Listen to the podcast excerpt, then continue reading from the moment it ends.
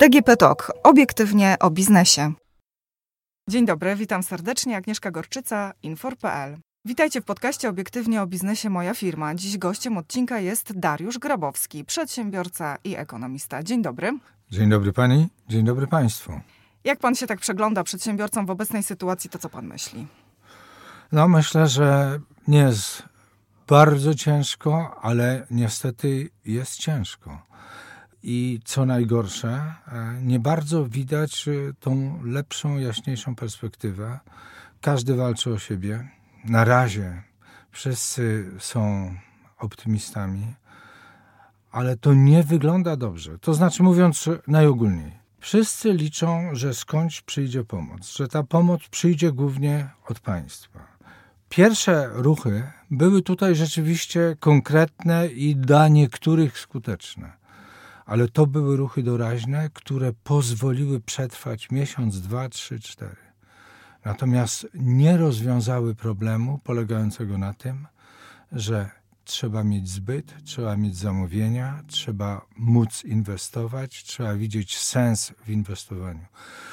To, czego dzisiaj przedsiębiorca najbardziej potrzebuje, to perspektywy, co zrobić za pół roku, za rok, a jeszcze dokładniej, czy inwestować, czy się okopywać, jeśli przetrwać, to czy przetrwać, w jakiej skali, gdzie się ograniczać, a gdzie nie. Pytanie, czy zwalniać, czy zatrudniać, czy się Dokładnie. rozwijać, co z inwestycjami, to wszystko w tym momencie troszeczkę jest zamrożone. Ale myślę, że zgodzi się Pan e, ze mną, jeżeli chodzi o takie opinie, które na rynku krążą, że w momencie, kiedy wybuchła pandemia, i czekało nas kilka tygodni zamrożenia, to pojawiały się takie głosy, że jeżeli firma nie ma oszczędności, aby przeżyć miesiąc, dwa, trzy, to być może nie powinno jej być na rynku. Takie myślenie jest błędne. Błędne dlatego, że polscy przedsiębiorcy są bardzo słabymi podmiotami gospodarczymi. W dodatku są w otoczeniu dużych, najczęściej zagranicznych podmiotów i sektora bankowego też niestety działającego bardzo, by tak powiedzieć, w swoim interesie. To wszystko powoduje, że polscy przedsiębiorcy nie mają nagromadzonego kapitału ani zasobów, dzięki którym mogą, tak jak pani powiedziała, przetrwać. To przetrwanie u nas jest możliwe przez miesiąc, dwa, trzy, a nie więcej. Co, co gorsza, i to jest taki element, który trzeba podnieść. Przedsiębiorcy nie mają od strony rządu jasnej deklaracji, że zaczynamy obronę od najsłabszych, czyli od najmniejszych. Akurat to, co doświadczamy, to doświadczamy sytuacji, w której firmy duże bardziej mogą liczyć na ulgi, na wsparcie, na dofinansowanie niż te firmy małe. I stąd, tak jak pani powiedziała, nie potrafią przetrwać, ale to nie jest ich wina. Tu będę ich bronił. Mhm. Ale w, w, środowisku też krąży taka opinia, trochę się z panem e, pospieram, że Jasne. kolejne ogłaszane przez e, rząd tarcze antykryzysowe tak naprawdę mają taki charakter trochę propagandowy. Tutaj przedsiębiorcy mówią, że kryteria udzielanej pomocy spełnia wyłącznie ten, to tak naprawdę tej pomocy w ogóle nie potrzebuje. No więc właśnie, kto powinien dostawać pomoc? Pomoc powinien dostawać ten, który jasno rysuje, co chce zrobić z tymi pieniędzmi. Nie tylko, że zapłaci pracownikom, nie tylko, że można powiedzieć, uniknie zamknięcia firmy, ale także ten, który powie: Ja mam pomysł, na co wydać pieniądze w sensie inwestycji czy jakichś przedsięwzięć, które mi pozwolą się rozwijać. Tego u nas nie ma, a to wynika z faktu, że sektor bankowy w Polsce nie jest sektorem wydzielonym, zorientowanym na polską małą i średnią przedsiębiorczość. Wszędzie na świecie, przede wszystkim w Europie, istnieje sektor bankowy małej i średniej przedsiębiorczości. On zna problemy konkretnego przedsiębiorcy. On wie, jak mu pomagać. On nawet jest tym zainteresowany. To jest jeden element. I drugi element, którego u nas brakuje, to jest władze samorządowe, mając, mówię głównie o Niemczech, o Francji, Włoszech, mając wiedzę o lokalnych przedsiębiorcach, potrafią bardzo elastycznie reagować na ich problemy. Mówią, nie, nie możesz zapłacić podatku, opóźniamy ci go o miesiąc, prawda? Potrzebujesz działkę ziemi, bo chcesz się rozwijać, dostaniesz ją za darmo, zapłacisz za 10 lat. Potrzebujesz energii elektrycznej, zgoda, my ci ją doprowadzimy. U nas tego nie ma, czyli ani sektor bankowy, ani sektor samorządowy, bo samorządowy jest biedny, nie są w stanie być tym zapleczem dla przedsiębiorcy. I to powoduje, że kiedy jest bieda, to człowiek mówi: Jestem zdany na siebie, szukam w otoczeniu, władza trochę pomogła, ale tak naprawdę to nie jest rozwiązanie. Uważa pan, że dobrowolny ZUS, o to też tutaj postulowali przedsiębiorcy, mógłby dźwignąć przedsiębiorstwa polskie? Proszę pani, to jest. Yy dla wielu może nawet konieczne, ale to nie jest rozwiązanie. Odpowiedzmy na pytanie, co się dzieje z pieniędzmi, które wpływają do ZUS-u. Te pieniądze nie leżą tam. Te pieniądze są przeznaczane na wypłacanie emerytur. Jeśli byśmy przestali płacić ZUS-owi składkę, prawda? To powstaje pytanie, a skąd ZUS zapłaci emerytury emerytom? Można powiedzieć, niech państwo sobie weźmie ten problem. To wtedy tylko przesuwamy dalej pytanie, a skąd państwo ma wziąć pieniądze? No, należy więc, pamiętać, że rząd własnych pieniędzy nie ma. No tak? wie, więc wtedy rząd powie, to my wam nałożymy podatki. Więc ja twierdzę, że w tej konkretnej sytuacji zawieszenie ZUS-u, czy likwidacja ZUS-u, czy dobrowolny ZUS dla wybranych jest do rozważenia, ale to nie może być rozwiązanie systemowe i wolałbym w zamian za to, zgoda, żeby jeśli zawieszamy ZUS, czy pozwalamy nie płacić ZUS-u, to po prostu uwalniamy dochody od opodatkowania. Czyli mówiąc krótko, dajemy kwotę wolną od opodatkowania wyższą, i ludzie zarabiają, nie muszą tych pieniędzy odprowadzać do ZUS-u, to ich motywuje do pracy. Przedsiębiorca nie musi zapłacić tej wysokiej składki podatku dochodowego od pracownika. O to jest o wiele lepsze rozwiązanie. No, zobaczymy, jak będzie wyglądała generalnie sytuacja, dlatego że trwają um, prace, aby na przykład pracę zdalną, tak, mhm. w ramach kodeksu pracy zakwalifikować jako normalną pracę, która mogłaby podchodzić Jasne. normalnie pod pracę mhm. na etacie. No, będziemy zdalnie na pewno pracować. Ja zastanawiam się jeszcze nad e, kwestią taką, dlaczego ciągle pojawiają się na przykład projekty unijne na otwieranie działalności, a zdecydowanie jest mniej projektów na utrzymanie i rozwój w przypadku firm, które teraz wychodzą z małego ZUS-u, dostały dwa lata mhm. temu pieniądze na założenie działalności, tak naprawdę kończy im się okres utrzymania dotacji. Jeżeli nałożymy na to pandemię, to przyszłość absolutnie nie rysuje się w różowych barwach. I bardzo często ci przedsiębiorcy mówią już dzisiaj, że prawdopodobnie będą, będą się likwidować. Dokładnie. Dlaczego tak się dzieje? Widzi pani, pani ma instynkt nosa i pani zadaje słuszne pytanie. Mianowicie takie.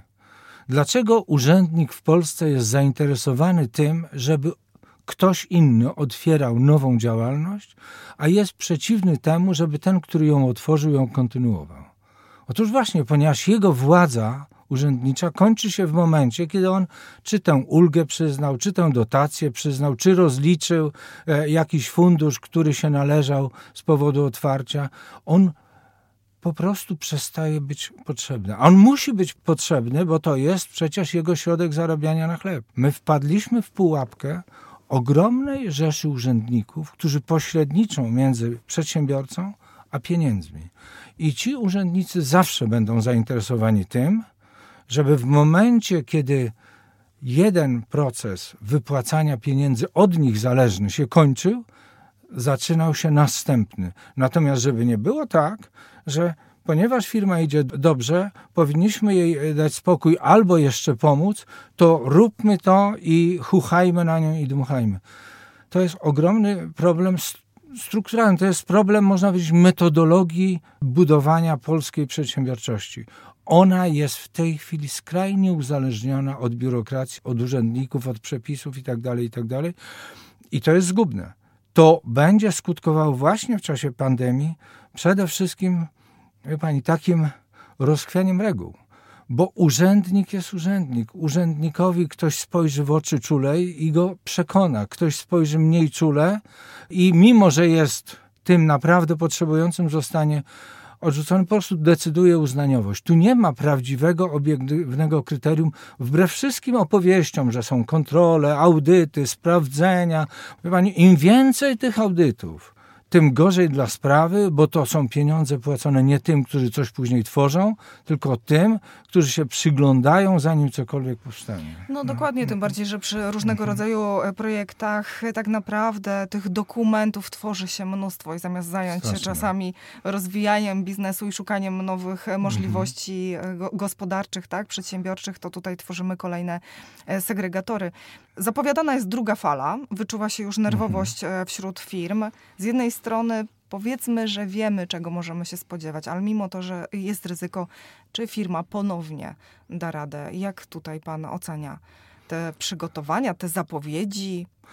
Powiem tak, najważniejsza jest z punktu widzenia dzisiejszej polskiej małej i średniej przedsiębiorczości, jak będzie kształtował się popyt w drugim półroczu, a właściwie jesienią. Jeśli będzie tak, a co niestety jest prawdopodobne, że sektor usług, restauracje, bary, jakieś miejsca turystyczne, nawet e, miejsca rozrywki, e, koncerty i tak dalej. Ale mamy całą branżę eventową. Oni no nie więc, do końca wrócili wszyscy. No więc właśnie, jeśli oni będą, przepraszam, wegetować, przyumierać, męczyć się, bo tam popyt nie wróci, bo na przykład będzie grypa, która też e, odstraszy ludzi, bo zresztą ludzie mają mniej pieniędzy i ich postawy konsumpcyjne się zmieniły, prawda? Nie jesteśmy tacy beztroscy, że mówimy, dobra, idzie weekend, hulamy, wyjeżdżamy na trzy dni, tu gdzieś tam parę groszy przepuszczę, to kiedyś się tam odrobi. Tego nie ma teraz. Lepiej może zaczekam, bo nie wiadomo jak z pracą, nie wiadomo czy ktoś w rodzinie nie będzie miał kłopotów.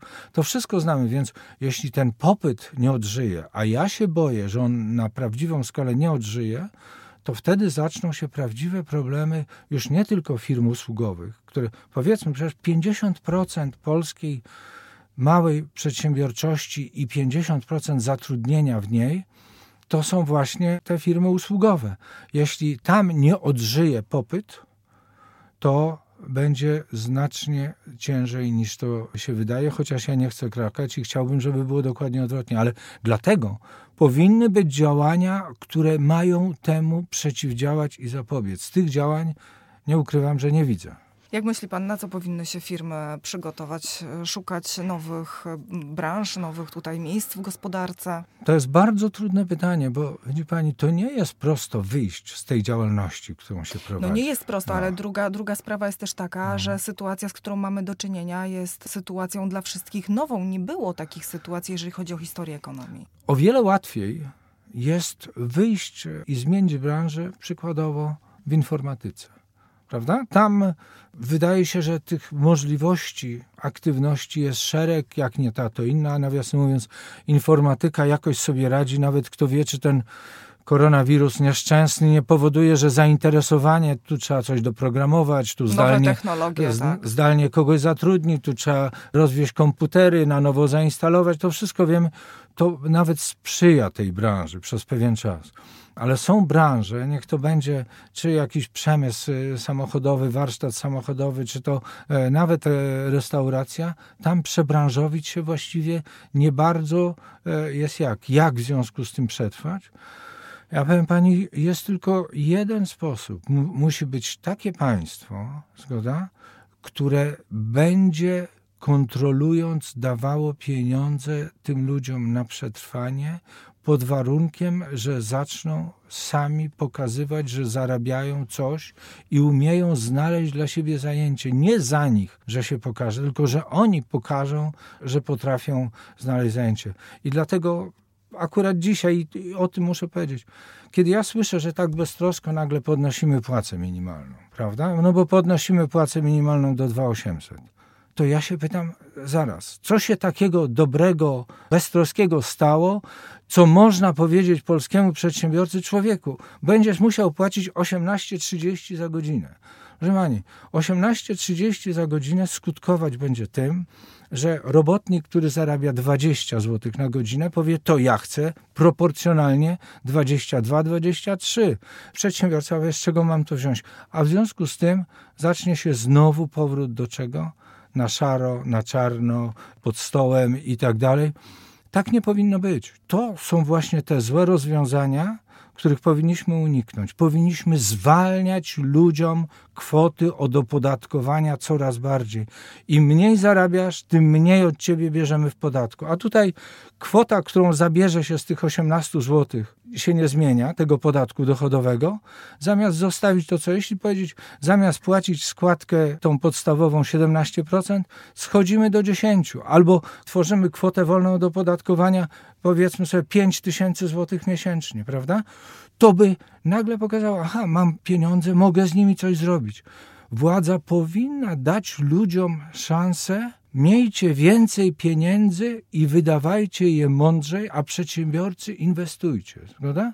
I wtedy jest szansa, żeby to płynniej przeszło. Ja myślę, że w tym miejscu postawimy kropkę. Gościem odcinka podcastu był Dariusz Grabowski, przedsiębiorca, ekonomista. Rozmawialiśmy o tym, na co powinni przygotować się przedsiębiorca, by utrzymać się na rynku, w którym kierunku te zmiany będą się kształtować. Dziękuję serdecznie za wizytę w studio. Dziękuję pięknie wszystkim, życzymy zdrówka.